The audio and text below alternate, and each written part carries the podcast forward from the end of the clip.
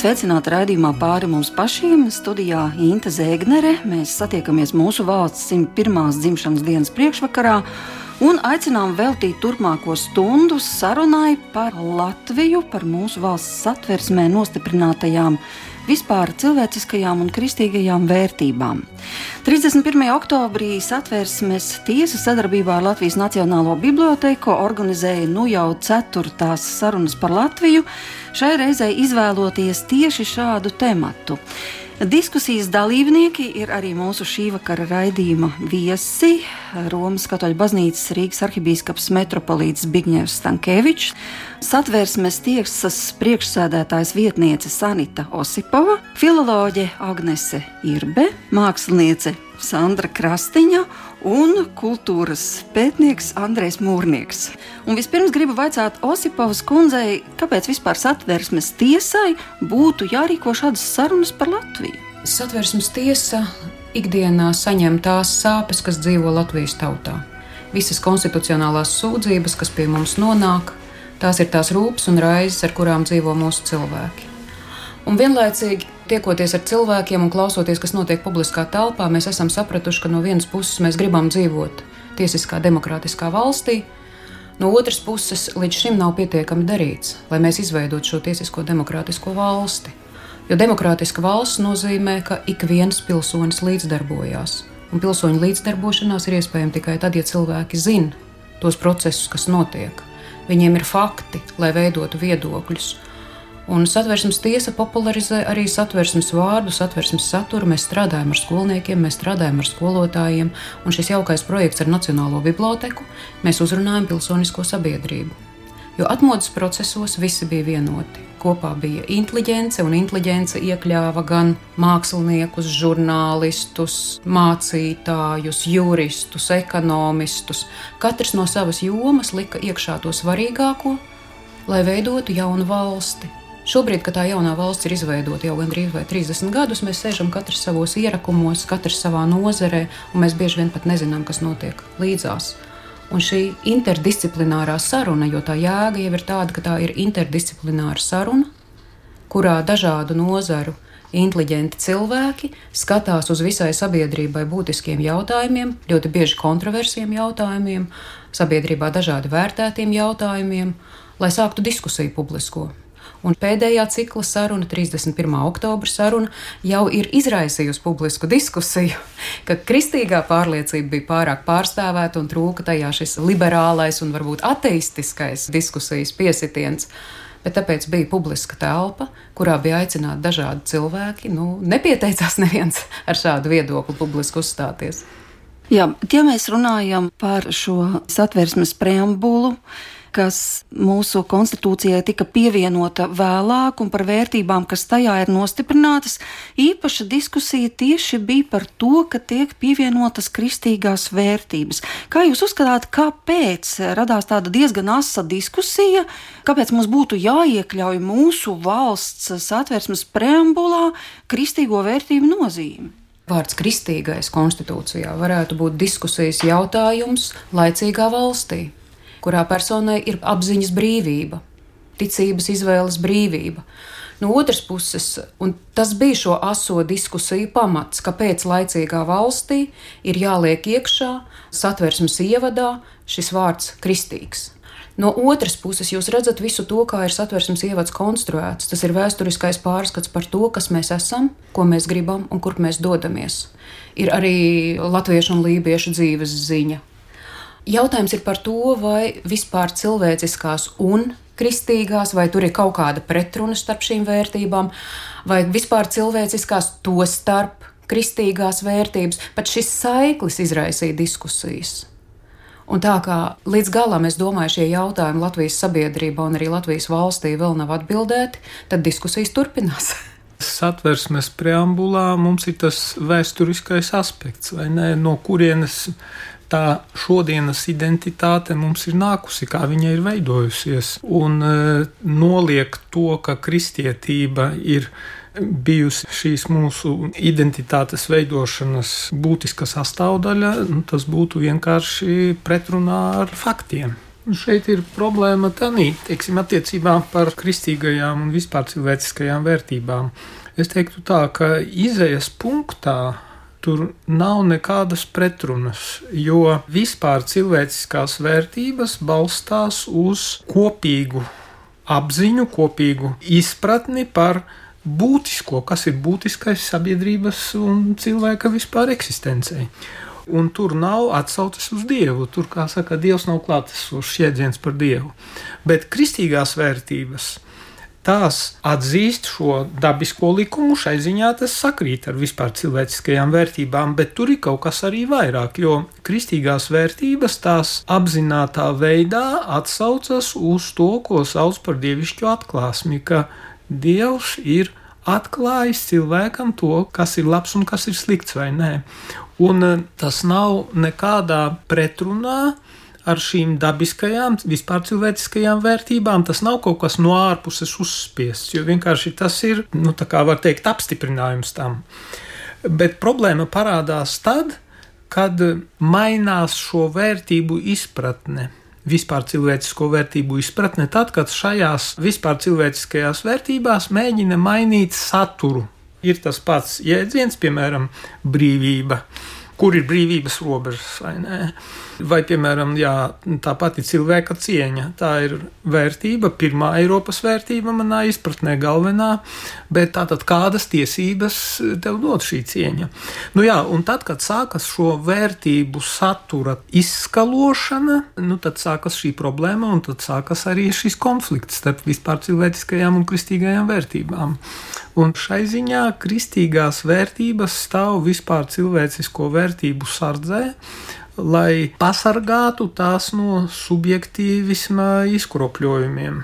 Sakiet, lūdzu, bet kā tad ir ar to ticības un apziņas brīvību?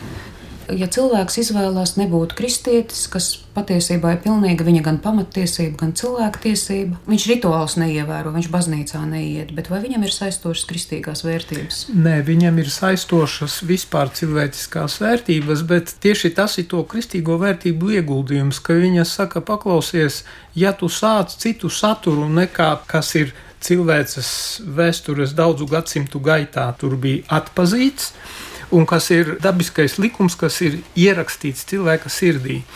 Un, ja tu tagad sāc to mainīt un likt citu saturu, tad tu līdzīgi tam kā ceļu satiksmes noteikumi iebrauksi grāvī vai ne?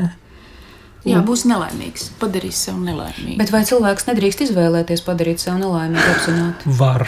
Var, protams, ka var. Un, un Piemēram, dara... viņš apzinās, ka viņš negrib bērnus, viņam ir izvēle sevi sterilizēt lai nebūtu viņam tie jā. bērni. Ja? Tātad cilvēkam ir izvēles tiesības, ir. Un, un modernā sabiedrība to atzīst. Un tai diskusijai, protams, eļļu ugunī visām šīm divām lietām pielēja tas, ka lielākā daļa Latvijas sabiedrības vai nu iet baznīcā, vai nu saka, ka viņi ir kristieši tautas skaitīšanā. Pat tad, ja viņi nereiz neiet baznīcā, bet viņi nenonāk šajā pretrunā, bet ir sabiedrības daļa, kura sevi nepozicionē kā kristiešus.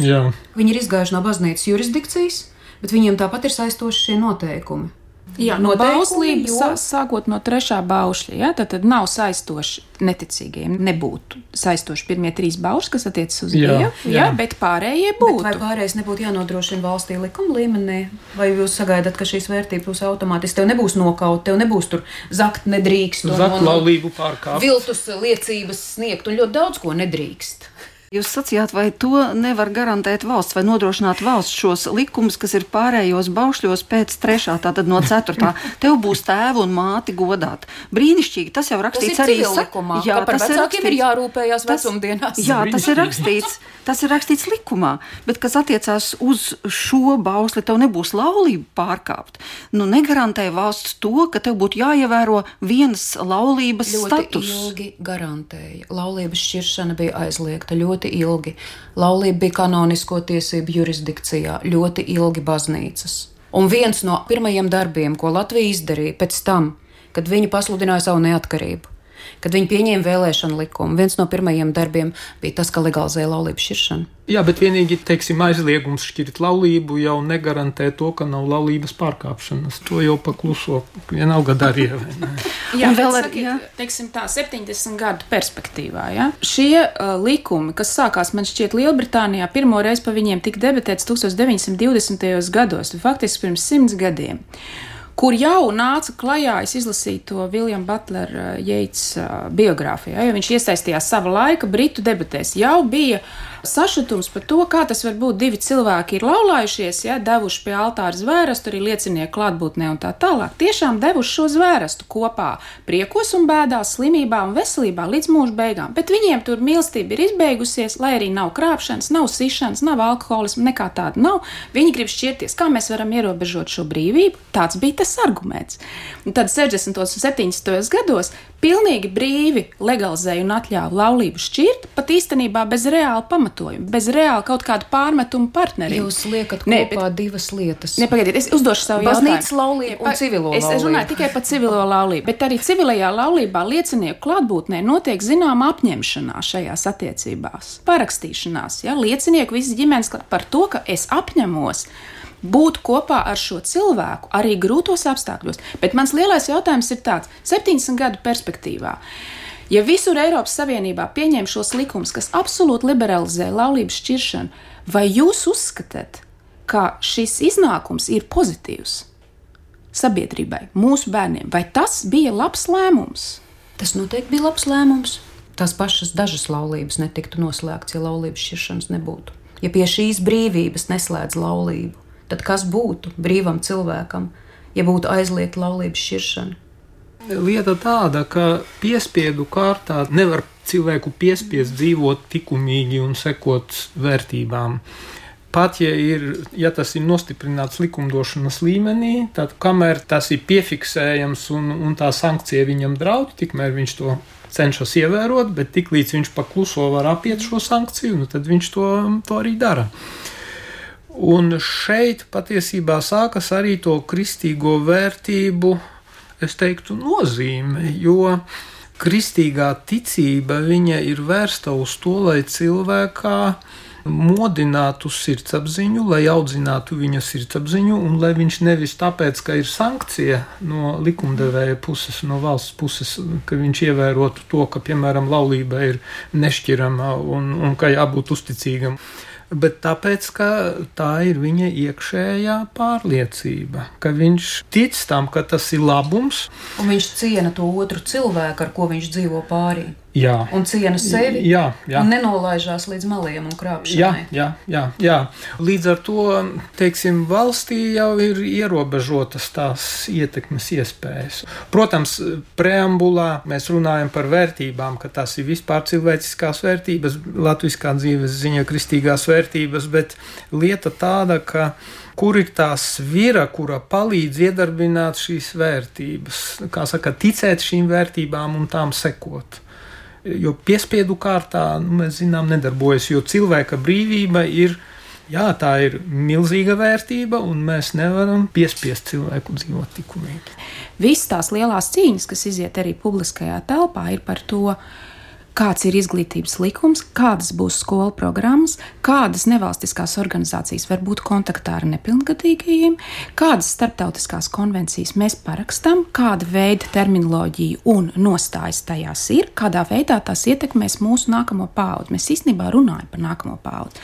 Jo es pilnīgi un brīnišķīgi saprotu, man ir 43 gadi, ka no manas paudzes lielākā daļa cilvēku pirmkārt neklausīsies nekādā kritikā, un viņi tā ir dzīvojuši tā, kā viņi ir dzīvojuši. Nerunāsim nemaz par alkoholismu, ja, kas manā paudzē, tomēr, nu, es teiktu, trešdaļa vīriešu iznīcināja, godīgi sakot, ja, alkohola lietošanu. Tur mēs iespējams neko nevaram palīdzēt, bet mēs mēģinām strādāt uz nākamo paudzi. Un mēs mēģinām saviem bērniem radīt apstākļus, arī ideoloģiskos apstākļus, kas ir labāki nekā mums, kas vēl dzimām. Padomju Savienībā 90. gados izgājām šausmīgu mokošanu procesam, kurā bija pārēj no kolektīvās ekonomikas uz tirgus ekonomiku un visa šī vērtību pārvērtēšana. Ja? Mēs, nu, Vai saprotat, ko es gribu teikt? Jā, un tieši tas, ko jūs teicāt, tie 90. gadu vērtību pārvērtēšana radīja cilvēkiem ilūziju, ka nav stabilu, mūžīgu Jā. vērtību. Jo mēs pagriezām vērtības pa 180 grādiem. Jā, tas, kas agrāk bija spekulācija, Jā. tagad ir biznesa. Jā, pilnīgi pareizi. Iedomājieties, kāds sajukums mums bija, ka mēs bijām izmācījušies vidusskolā vienu veidu vēsturi, vienu veidu teoriju, un pēkšņi izrādījās, nekas no tā nav taisnība, ir bijis pavisam citādāk. Atgriežoties pie tā, kas ir rakstīts preambulā, un kur ir sacīts, ka Latvijas identitāte Eiropas kultūra telpā kopš senlaikiem veido latviešu un lībiešu tradīcijas, latviskā dzīves ziņa, latviešu valoda, vispār cilvēciskās un kristīgās vērtības. Lūk, šis teikums nekādā ziņā nenozīmē jebkāda veida uzspiešanu. Tas ir konstatējums, kas ir mūsu vērtības, uz kādiem pamatiem mēs šo māju būvējam, vai es pareizi saprotu? Jūs pilnīgi pareizi saprotat. Tika apkopots viss tas, kas mums ir bijis svarīgs un kas ir veidojis mūs par tiem, kas mēs šodien esam. Jo kas tad ir konstitūcija? Jau diezgan sen cilvēki nonāca līdz atziņai, lai visi kopā harmoniski dzīvot, ir nepieciešama tāda struktūra kā valsts. Un tad, kad tika dibināta Latvijas valsts, bija nepieciešams, kā lai saka, kopdzīves kārtība kā mēs dzīvosim, kā mēs sevi veidosim. Tas ir ļoti svarīgi, lai mēs saprastu, kas mēs esam un kas ir tie kopīgie pamati, uz kuriem ir būvēta Latvijas valsts. Man viena piebilde, kas man šķiet ļoti būtiska. Šo lielo diskusiju un šīs tādas milzīgās pretestības pret kristīgo vērtību klātbūtni preambulā pamatā ir viens liels pārpratums. Jo tā ir, kā mēs te runājām, tā ir fakta konstatācija, ka Latvijā ir bijusi tāda vēsture, un mēs esam tādā veidā nonākuši pie šīs identitātes. Bet tas nebūtu nenozīmē, ka tagad valstī būtu jāuzspiež visiem desmit baušļi un, kā saka, rindiņā jāiet visiem, nezinu, uz baznīcu un tā tālāk bet e, valstī ir jāizskaidro caur izglītības sistēmu un visādos citādos veidos. Ko tas nozīmē? Skaidrot to vēsturi, kā ir veidojies un, un kas tur ir iekšā. Un šobrīd izglītības sistēmas vājais punkts šai ziņā ir, ka notiek tāda alerģiska reakcija pret to, ka nē, nē, ja kristietība, ja piemēram Bībeles mācība, nu, skaidrot, teiksim, kas ir kristietība, kas tur Bībelē ir iekšā, nē, nē, nē, tā jau būs uzspiešana. Vienkārši ir pārbīdītas tās robežas, un tā ir nu, milzīga neizpratne. Tas ir viens liels pārpratums un stereotips, kurš mums traucē normāli iet uz priekšu.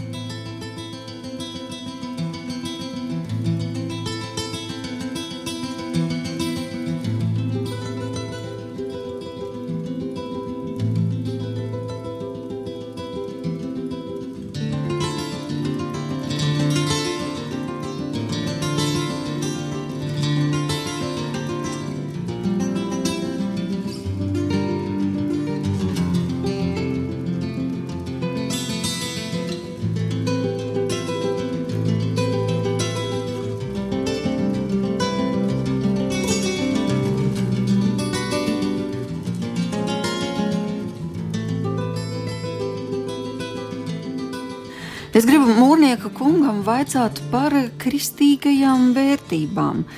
Diemžēl šis vārdu salikums ir tik novazāts, jā, arī liekulīgi izmantots un sautīgos politiskos nolūkos dažkārt, bet tomēr līdz ar kristietību pasaulē ir mainījusies kāda vērtību skala. Ko tad ir ienesusi kristietība? Kas tad ir tas jaunais? Varētu runāt ļoti daudzas lietas, e, bet es tādā tojošos valsts svētku kontekstā gribu parunāt par dažām metaforām, kas parādās tieši latviešu kultūrā, nedaudz citā kontekstā, bet kas, manuprāt, atvedināts tiek no kristietības. Tā proti ir ideja par augšām celšanos.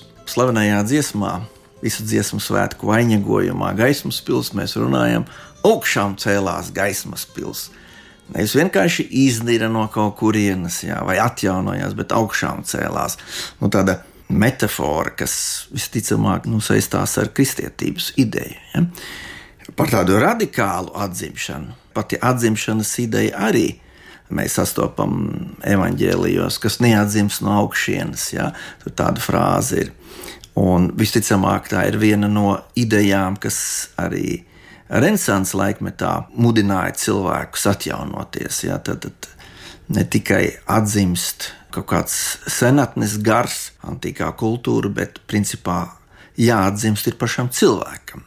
Tā ir renaissance laikmeta ideja. Cilvēkam ir jāatdzimst, bet jāatdzimst garīgajā nozīmē. No tas, manuprāt, nāk no lūk, šīs unikālās kristietības vēsts par jauno. Proti, ka tagad ir jaunā derība. Kristietība nāk ar jauno derību, ar ideju par jaunām debesīm un jaunu zemi, jaunu bausli es jums dodu, lai jūs mīlētu citu, citu kā es jūs esmu mīlējis, saka Jēzus Kristus. Redziet, tad tas kopumā liecina par to, ka šeit mums darīšana par kaut ko jaunu. Atjaunošanos, jaunu vēsti, jaunu ideju, jaunu pasauli, ko mēs vēlamies veidot. Un šķiet, ka šī ievirze cauri gadu tūkstošiem galu galā novedusi Eiropas civilizāciju līdz idejai par progresu. Par to, ka nākošā diena būs labāka par šo tas satur šo ideju par, par to, ka nākotnē mūs sagaida kaut kas bezgalīgi labāks nekā jebkas, kas bijis pagātnē. Runājot par tīri valstisko atzimšanu, tad faktiski ar Latvijas valsti ir diezgan līdzīgi. Jo arī šeit mēs runājam par pilnību atzimšanu, pilnīgu augšām celšanos, valsts augšām celšanos. Ja? Nu, diemžēl līdz pilnībai mums vēl tālu ir.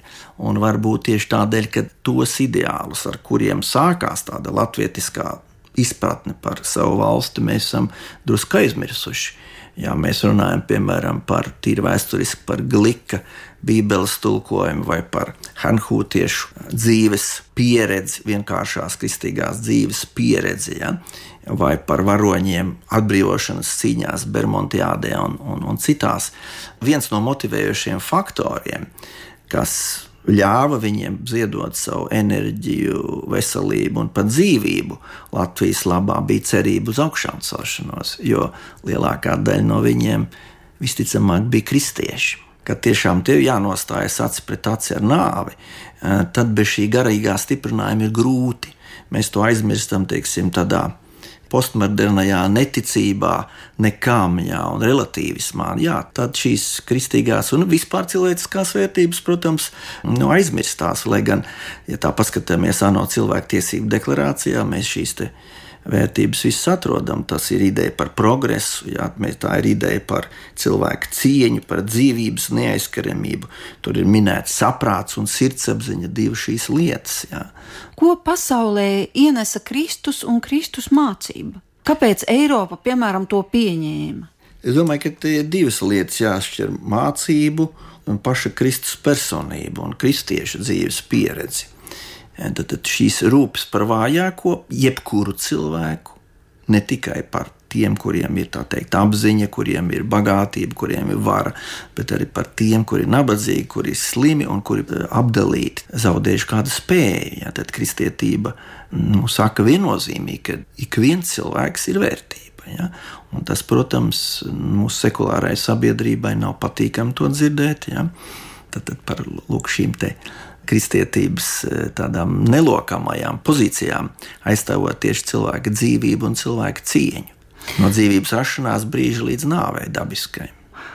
Es izlasīju kādu rakstu par Bermuda cīņām, bet tur bija minēts arī kāds 19. gadsimta vēsturnieks Aleksandrs Teilors un viņa teorija par to, kādus periodus tautas piedzīvo savā mūžā. Un pēc viņu uzskatiem tautas savā mūžā piedzīvo deviņus attīstības posmus - no verdzības uz ticību, no ticības uz drosmi, no drosmes uz brīvību, no brīvības uz labklājību, no labklājības uz sautīgumu, no sautīguma uz pašapmierinātību, no pašapmierinātības uz vienaldzību no vienaldzības uz izlaidību un no izlaidības atpakaļ verdzībā. Kā jūs to varētu komentēt? Un tad man gribētos pavaicāt, nu varbūt tad kurā posmā esam mēs?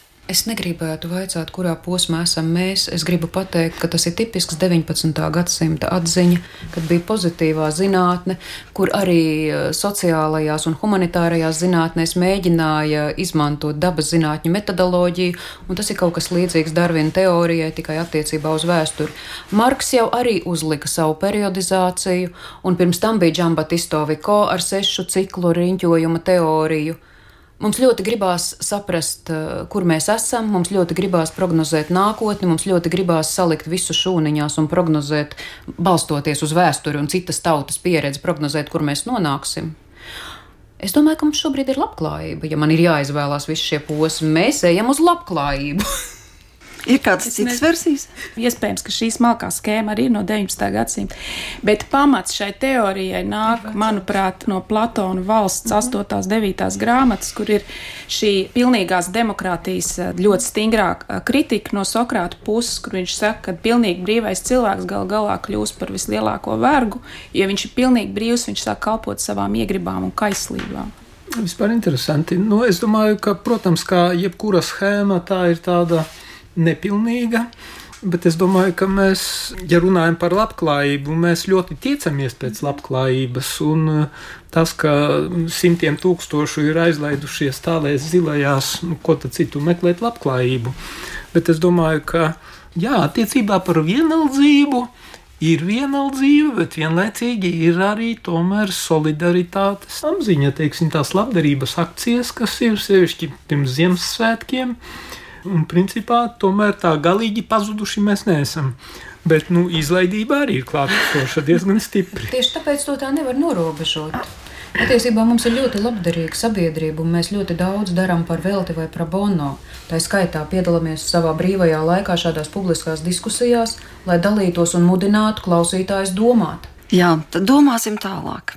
Tā mūsu valstiskā apziņa. 18. novembrī kinoteātrī Splendid Palace tiks pirmizrādīta Dzintras Gekas jaunā filma Gada laika kur viņa ir filmējusi kopā ar savu komandu katru dienu 2018. gadā visdažādākajās vietās, ciematos, pilsētās, fiksējot visdažādāko cilvēku dzīves notikumus, un tas viss ir salikts šajās četrās filmās gada laiki. Un tur mēs eh, droši vien ieraudzīsim Latviju tādā kā šķērsgriezumā, varbūt arī paši vairāk eh, sapratīsim, kādi tad mēs esam šodien Bet eh, kāda tad ir tā mūsu identitāte, kas ir tas vienojošais? Jūs sacījāt, cik ļoti ir nepieciešamas šīs publiskās diskusijas, jo mēs esam attālinājušies no šīs pilsoniskās sabiedrības prakses savstarpēji sarunāties, kas bija tik ļoti aktuāli atmodas laikā, ka tikko mēs varējām atļauties vispār brīvi runāt, un tas tika arī darīts, un inteliģents nāca kopā un sprieda. Tagad mēs katrs vairāk vai mazāk savā pilī vai būdiņā un jūs mudināt uz šo diskusiju par pilsonisku sabiedrību, arī par mūsu identitāti, par tiem balstiem, uz ko tad mēs šobrīd balstāmies kas mums liek justies vienotiem kā tautai. Šeit es arī Sandru gribētu beidzot iesaistīt mūsu sarunā. Kas ir tās zīmes, tās arī tās kultūras zīmes? Nu, labi, valoda skaidrs, protams, teritorija, bet tas nevar būt vienīgais diskusijā nepārtraukti tiek eh, pieminēts vārds valsts. Un, ja mēs tā padomājam, tad Latvijas valsts kā tāds veidojums jau nav tik sens, un viņš ir strādāts un veidots simt gadu atpakaļ, bet 19. Eh, gadsimta pēdējā ceturksnī sāk rasties apziņa un ideja par Latvijas nāciju kā tādu. Un tas ir ilgstošs, garš darbs, kas ir gan vēsturiski, gan notikumu rezultātā kūliņojis, diskutējis, viedokļi bijuši ļoti dažādi. Un klausoties šodien šo mūsu sarunu, es vienkārši iedomājos, ka 19. gadsimta 70., 80., 90. gadi latviešu valodā vispār nebija terminoloģijas. Piemēram, par mākslu profesionāli nevarēja runāt, jo latviešu valodā nebija tādu vārdu. Līdz ar to, ja mēs šobrīd brīvi operējam ar pasaules problemātiku, mēs esam moderna valsts, un mums ir jādomā un jārunā par cilvēka vietu, cilvēka atbildību un vēl tādām smalkām niansēm, tad, teiksim, 140 gadu atpakaļ vai drusku vairāk, latviski nebija vārdu, kādā veidā to nosaukt. Vairāks, protams, zina par vizuālo mākslu, un arī tur bija tik ļoti daudz ģermānismu un tik vienkārši vārds zīmēt, tad teica ceļot. Zīmēt nozīmēja mežsargiem iezīmēt mežā kokus, kurus cirst, bet lai tā kā attēlotu to koku, to cēķināja. Un pie pirmajām izstādēm un pie pirmajām latviskajām publikācijām tajā gadsimtā, kad apsprieda izstādes. Un tas ir laiks, kad radās Purvīts, Rozentāls un šie latviešu profesionālie pirmie mākslinieki. Lai viņu darbus apspriestu, tika spriest tikai tādā veidā, vai ir līdzīgs vai nav līdzīgs, vai ir attēlota daba vai nav attēlota daba. Jūs saprotiet, tas ir laiks, kad pasaulē un Francijā impresionisms, jau klasicisms un akadēmisks graujam nost, ka tiek runāts par visu, ko mēs šeit pieminējām. Latviski par to meklēja vārdus, radīja vārdus, veidoja formu, kā par to runāt. Jo vāciski, protams, ir izglītoti cilvēki, viņi par to runā vāciski, bet kā par to runāt latviešu, un kā par to rakstīt latviešu publikai, un kā latviešu auditorijai tik tālāk par vienkārši, nu, ja es runāju par mākslu, vai ir līdzīgs vai nav līdzīgs īstam kokam. Un tad par šo vēl nākamo identitātes zīmēm. Jau no 19. gadsimta beigas, 20. gadsimta sākums eh, Latvijas sabiedrība meklēja tās vizuālās zīmes, ap ko vienoties, ap ko identificēties. Un tas ir gan tautas darbs, kas arī laika gaitā tiek formulēts. Ir vairākas idejas, ilgstošas idejas, ka vajadzētu radīt vienu mākslīgi radīt, vienu vienotu kopīgu tautas tērpu visai Latvijai, nevis tur dalīt pa novadiem. Tad bija idejas, ka vajadzētu vienkārši ģērties moderni un tajos dziesmu svētkos, jo cilvēki nemaz tā negribēja tajos pašaustajos tērpos. Tātad es vēršos uz to, ka tas, par ko mēs runājam šodien, modernajā pasaulē, ar valstiskumu apziņu, ka mēs esam dalībnieki, ka mēs, latvieši, esam dalībnieki pasaules problemātikā, tad tajā 120, 140 gadu atpakaļ latviešiem kā tādam kopumam šī tāda dalība, diskusija vai krenķēšanās, zināmā mērā viņi bija attālināti no tā. Un tad, veidojot savu valsti, veidojot savas valsts e, simboliku, vizuālās zīmes, sarkanbalts, sarkanais karoks, ordeņi, tas viss zināmā mērā sakņojās arī pirms kristietības laikā. Tā vizualitāte, ap ko nu, vienojās, tā tiek meklēta aizlaikos un tam virsū slāņojās gan kristietības idejas, gan modernais laikmets. Un latviešu valstiskums, es tā kādreiz kāds jautāja, ar ko mēs esam savādāki. Ziniet, ar ko mēs esam savādāki? Mēs visu ļoti ātri mācāmies. To, ko citi mācījās, valstiskumu, ko sabiedrības savus eh, teiksim, vērtību kritērijus izstrādāja gadsimtiem, tad Latvijai tas ir kā valstī. Bija jāizstrādā ļoti ātri, Mēs faktiski mācāmies peldēt tad, kad mēs esam iemesti jūrā. Un mēs arī iemācāmies. es te gribētu savu priekšlikumu izteikt attiecībā par to, kas vieno tautu, kas varētu vienot. Es domāju, ka tādā vai citādā veidā tas arī ir klātesošs. Un te būtu arī paralēli ar to, ko jūs teicāt, ka tad, kad veidojās latviešu tauta kā nācija, Tā bija tā saucamā pirmā atmoda, otrā atmoda bija, kad neatkarība, trešā atmoda, otrā neatkarība. Bet Zinātņu akadēmijā mums bija vesels ekspertu konsīlijs, kurš bija veltīts ceturtajai atmodai. Un, lai tā ceturtā atmoda varētu būt, Mēs tur vienojāmies, ka tas būs tāds nevis lēcienveidīgs process, bet tas ir pakāpenisks process un ka to grūti panākt, ja mēs aprobežosimies tikai ar Latviju, ka mēs esam tomēr lielākas realitātes sastāvdaļa un esam atkarīgi no pārējām struktūrām, kurā esam iekšā. Bet atgriežoties pie tās pamatdomas, tad eh, tas, kas varētu vienot, un kam es domāju, ik viens varētu tādā vai citādā veidā piekrist, protams, tad varam diskutēt par interpretāciju, bet kā mēs gribam dzīvot valstī, kura palīdz katram tās pilsonim vai iedzīvotājiem sasniegt savu spēju, vispusīgu pielietojumu un attīstību, lai katrs varētu attīstīties. Tas potenciāls, kas viņā ir ielikts, lai viņš var izpausties un arī dot sabiedrībai kaut kādu ieguldījumu. Protams, tā nav tikai labklājības valsts, jo labklājība tā ir tikai viena no dimensijām, jo mēs jau zinām, cik ir lasīts par miljonāriem, kuri garlaikojas. Kā es braucu ziemeļmeitas, lūkoties pa ceļam, viņš nonāca labklājības valstī, kur, kur visiem bija pilni galdi. Pilni galdi, bet beigās pašnāvība jau ir tukšuma sajūta.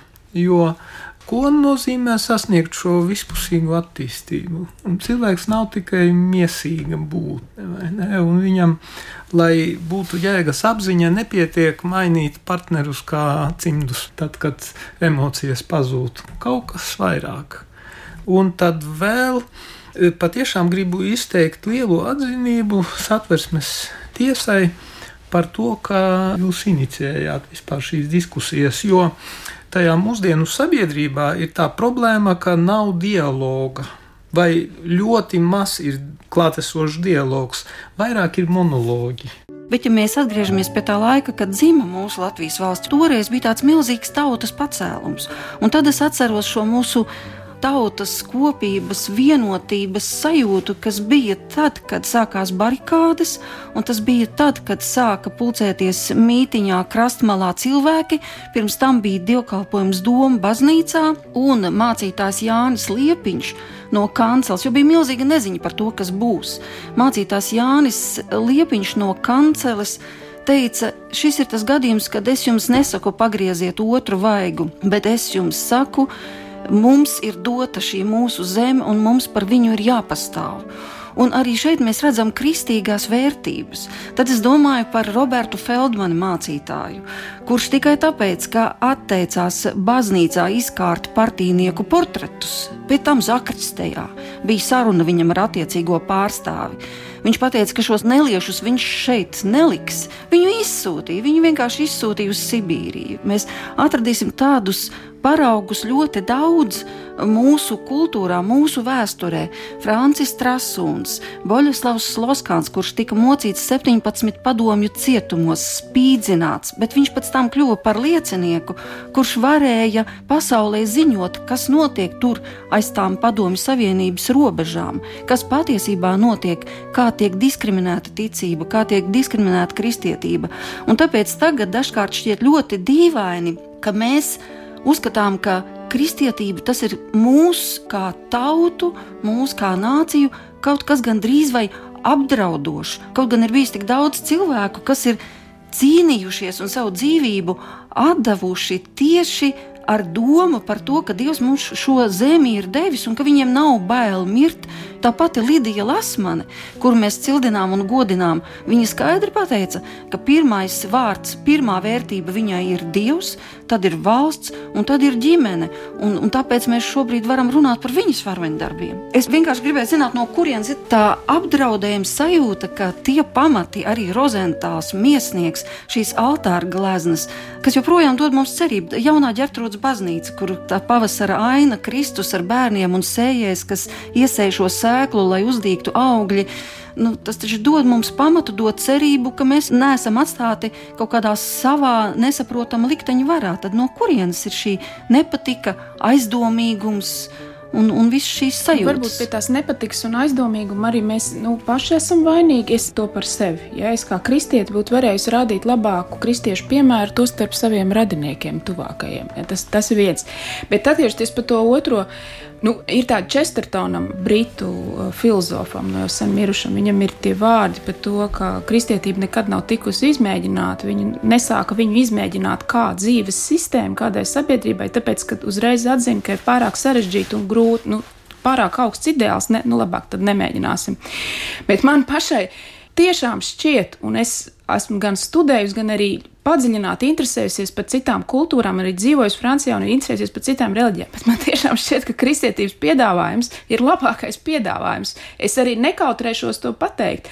Ja cilvēki ievērotu šos īstenībā diezgan vienkāršos desmit baušļus, tostarp uh, svētdienu, kā dienu, kas veltīta tam, ka jūs aiziet uz savu draugu, jūs pateicaties Dievam par to, kas ir dots, jūs izmeklējat savu sirdsapziņu, jūs nožēlojat savus grēkus Jūs mēģināt gandarīt par saviem grēkiem, un jūs arī atlaižiet citiem to, ko viņi ir nodarījuši jums. Ja šis vienkāršais princips, viena diena nedēļā, kas ir veltīta šai sirdsapziņas izmeklēšanai un kritikai, kas ir vērsta pret sevi, tiktu darīta kaut vai lielākā eh, sabiedrības daļā, tad es tiešām domāju, ka arī lielākā daļa problēmu, par kurām jūs runājat, kas ir laulībās, kad mīlestība izbeidzas, ja grib šķirties, iespējams atrisinātos.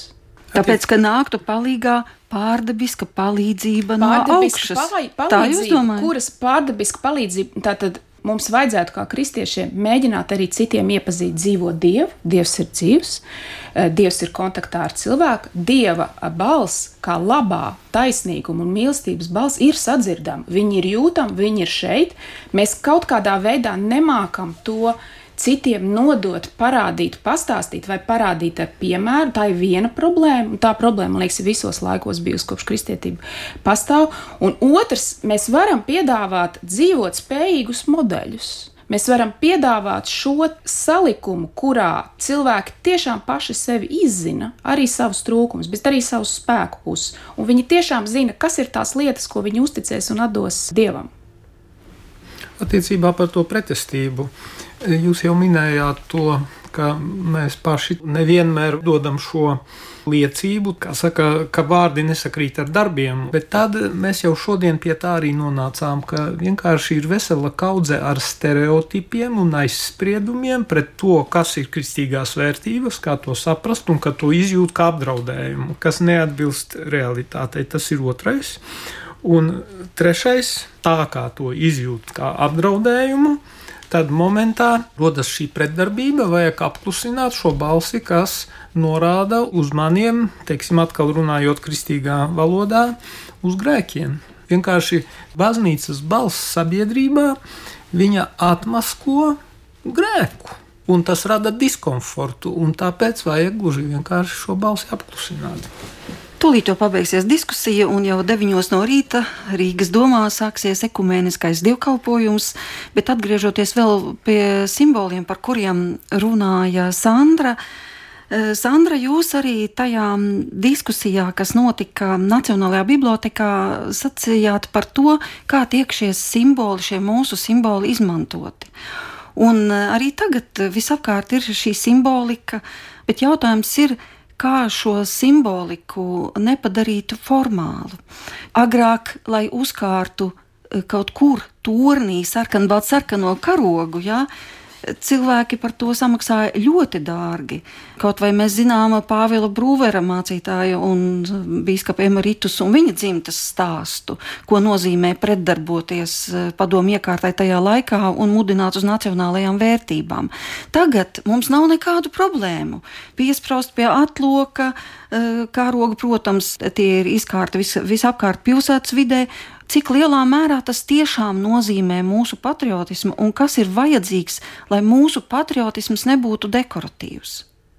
Tā ir tēma, kas ir jārunā, jo tajā brīdī, kad e, kolektīvā apziņa jau pieņem, piemēram, sievieti Latvijas tautas tērpā, ka tas ir dzimtenes Latvijas tēls, kas izveidojās jau ar Latvijas valsts dibināšanu, un pēc tam tas attīstījās. Un tad radās vēlēšanās, un to sāk izmantot sautīgiem mērķiem, un tas ir politikas vārdā. Padomu var tieši veicināja, ka visās tajās saucamajās eh, Padomu Savienības republikās nepārtraukti bija tautu meitas, kas lokālajos tautu tērpos dziedāja līdzās partijas sekretāra portretiem. Un tāpat laikā, ko es tagad tomēr gribētu minēt, mākslā un Latvijas mākslā, glezniecībā, citādos mākslas veidos šis tautumētas tērps, kas padomu laikā tika atļauts to gleznot, bet savukārt tika gleznots ar citu mērķi. Tātad runa bija par brīvo Latviju. Un te ir jāmin mākslinieci Džēma Skulme, kas nu ir aizgājusi mūžībā, un viņa savā mākslā un padomu laikā savā glezniecībā nepārtraukti mēģināja pateikt divas lietas ka Latvija ir visas kultūra telpas, Eiropas kultūra telpas sastāvdaļa, un to viņa rādīja ar karietīdēm, ka mēs, mūsu Latvija un latvieši, sastāvam kopējā tādā kultūra telpā. Mums ir kopējas zināšanas un kopēja pagātne. Un otrs tēls ir šīs tautsmētes, ko 68. viņi gleznoja kā ekspresīvā gleznojumā, bet kā tādas pazemotas tautu tērpā sievietes ar norautu vainadziņu, kam ir divējāds protests. Tajā laikā nedrīkstēja tā gleznot, jau tā maniera, jau tā ekspresīvā maniera bija nepakļāvības žests. Plus vēl saturs. Tātad mākslas vērotājiem ir jāsaprot, jāsajūt, kurā brīdī ar tādiem vispār pieņemtiem simboliem ar viņu manipulē un kurā brīdī caur šiem pašiem simboliem tiek runāts par būtiskām lietām. Tas ir viena teikuma par džēmu. Viņas fiziskā formā vairāk nav, bet no manas puses paldies, Džēma, jums, ka jūs katru gadu vienu savu gleznu ziedojāt uh, katoļu liturģiskajam kalendāram Mieram tuvu. Notika mm. gleznas izsole. Un to ieņemto naudu varēja palielināt metienu, lai izdotu šo kalendāru, kas joprojām arī nonāk cietumos, un patversmēs, un slimnīcās, un arī pie mums.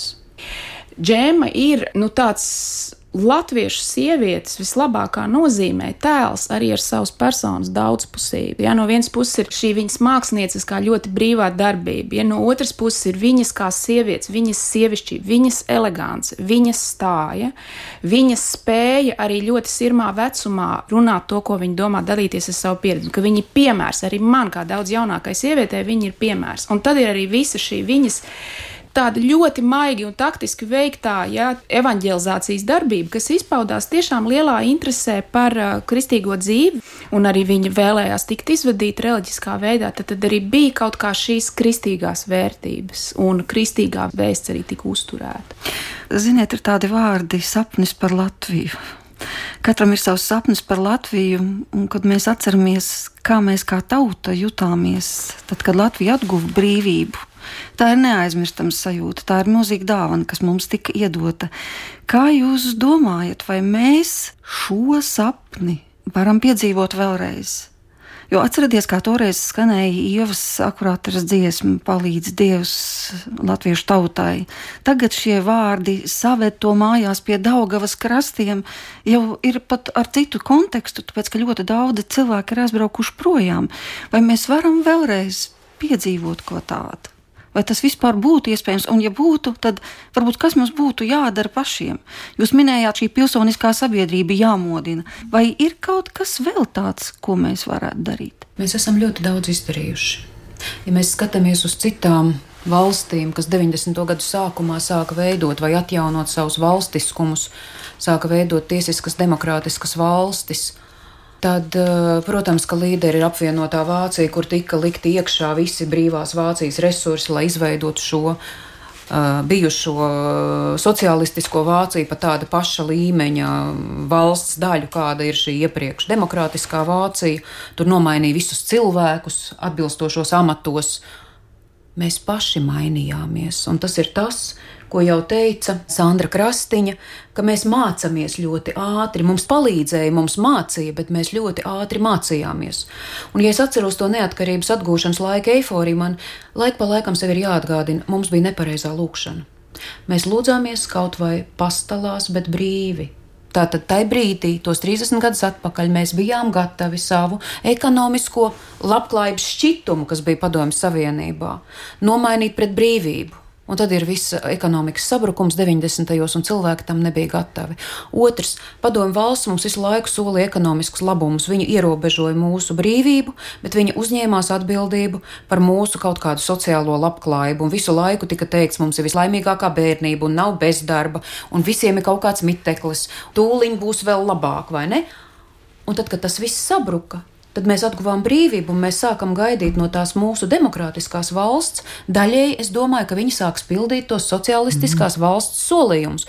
Mēs nesapratām, ka atgūstot brīvību, mēs uzņemamies arī atbildību katrs par savu dzīvi, par savu ģimenes locekļa dzīvi, par saviem tuviniekiem vispirms. Sabiedrība nāks palīdzīgā, bet šī privāta autonomija vai personas atbildība pašam par savu dzīvi ir ļoti būtiska sastāvdaļa. Un tas, uz ko mēs ejam, ka mēs tiekamies cilvēki vienādi savā cieņā un toleranti. Gan tie, kuri piekrīt kristīgām vērtībām, gan tie, kuri nepiekrīt kristīgām vērtībām, viņi ciena viens otru un cilvēka cieņu, un mēs nonākam pie tā, ka tādu būtisku atšķirību ļoti dziļu Ja mēs negribam ļaunprātīgi izmantot savu brīvību, tad šajās vērtībās šo būtisko atšķirību varbūt mēs varam runāt par atsevišķiem punktiem, ko mēs jau izrunājam, piemēram, tieši dzīvības jautājumu, eitanāzijas jautājumu. Bet lielās vērtības jau visas ir kopīgas. Man nāk prātā šie Jēzus vārdi: Jūs iepazīsiet patiesību, un patiesība darīs jūs brīvus. Tomēr jautājums par spēju kritiski domāt, par spēju ielūkoties sevī, spēju saprast, kas reāli notiek, arī spēju ieraudzīt nu, to, ko Kants teica, ka man ir divas lietas izbrīnīja. Tas ir tas zvaigžņotās debesis, kas ir pāri, un tas morālais likums, kas ir manī ierakstīts.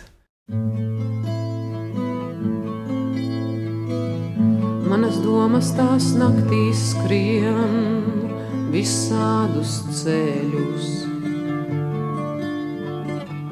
Uz priekšu sāniem nereti riņķos. Manas saknes es jūtu, tās neaukanākas, pat auglīgā zemē tās liecās un nīkst. Mana tauta tā nīkst visās pasaules malās. Bez zemes savas tā cīnās un dalās. Mana tauta tā nīkst visās pasaules malās, pat savā zemē tā neaugā nākās. Palīdzi Dievs, palīdzi Dievs, visai latviešu tautai saveto mājās pie Daugavas krastiem, saveto mājās. Palīdzi Dievs, palīdzi Dievs mūsu latviešu tautai, dzīt saknes drīz brīvas Latvijas zemē, dzīt saknes drīz brīvas Latvijas zemē. Katra diena tā sāp visai latviešu tautai. Dalītai šķirtai tik skumji skan dziesmā. Katra diena tā sāp visai latviešu tautai, dalītai šķirtai dziest lēnām mums liesmā. Palīdzi Dievs, palīdzi Dievs visai latviešu tautai saveto mājās pie Daugavas krastiem, saveto mājās.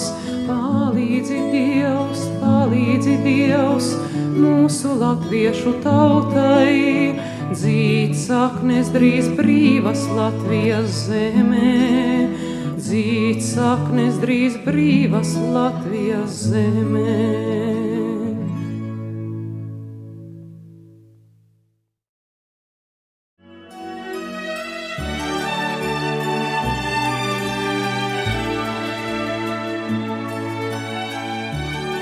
Ar šo ielas akurāteres dziedāto un Brītas Ritmanes sacerēto trešās atmodas laika himnu izskan raidījums pāri mums pašiem, kurā piedalījās arhibīskaps metropolīts Zbigņevs Stankēvičs, satversmes tiesas priekšsēdētājas vietniece Sanita Osipova, filoloģe Agnese Irbe, māksliniece Sandra Krastiņa un kultūras pētnieks Andrēs Mūrnieks.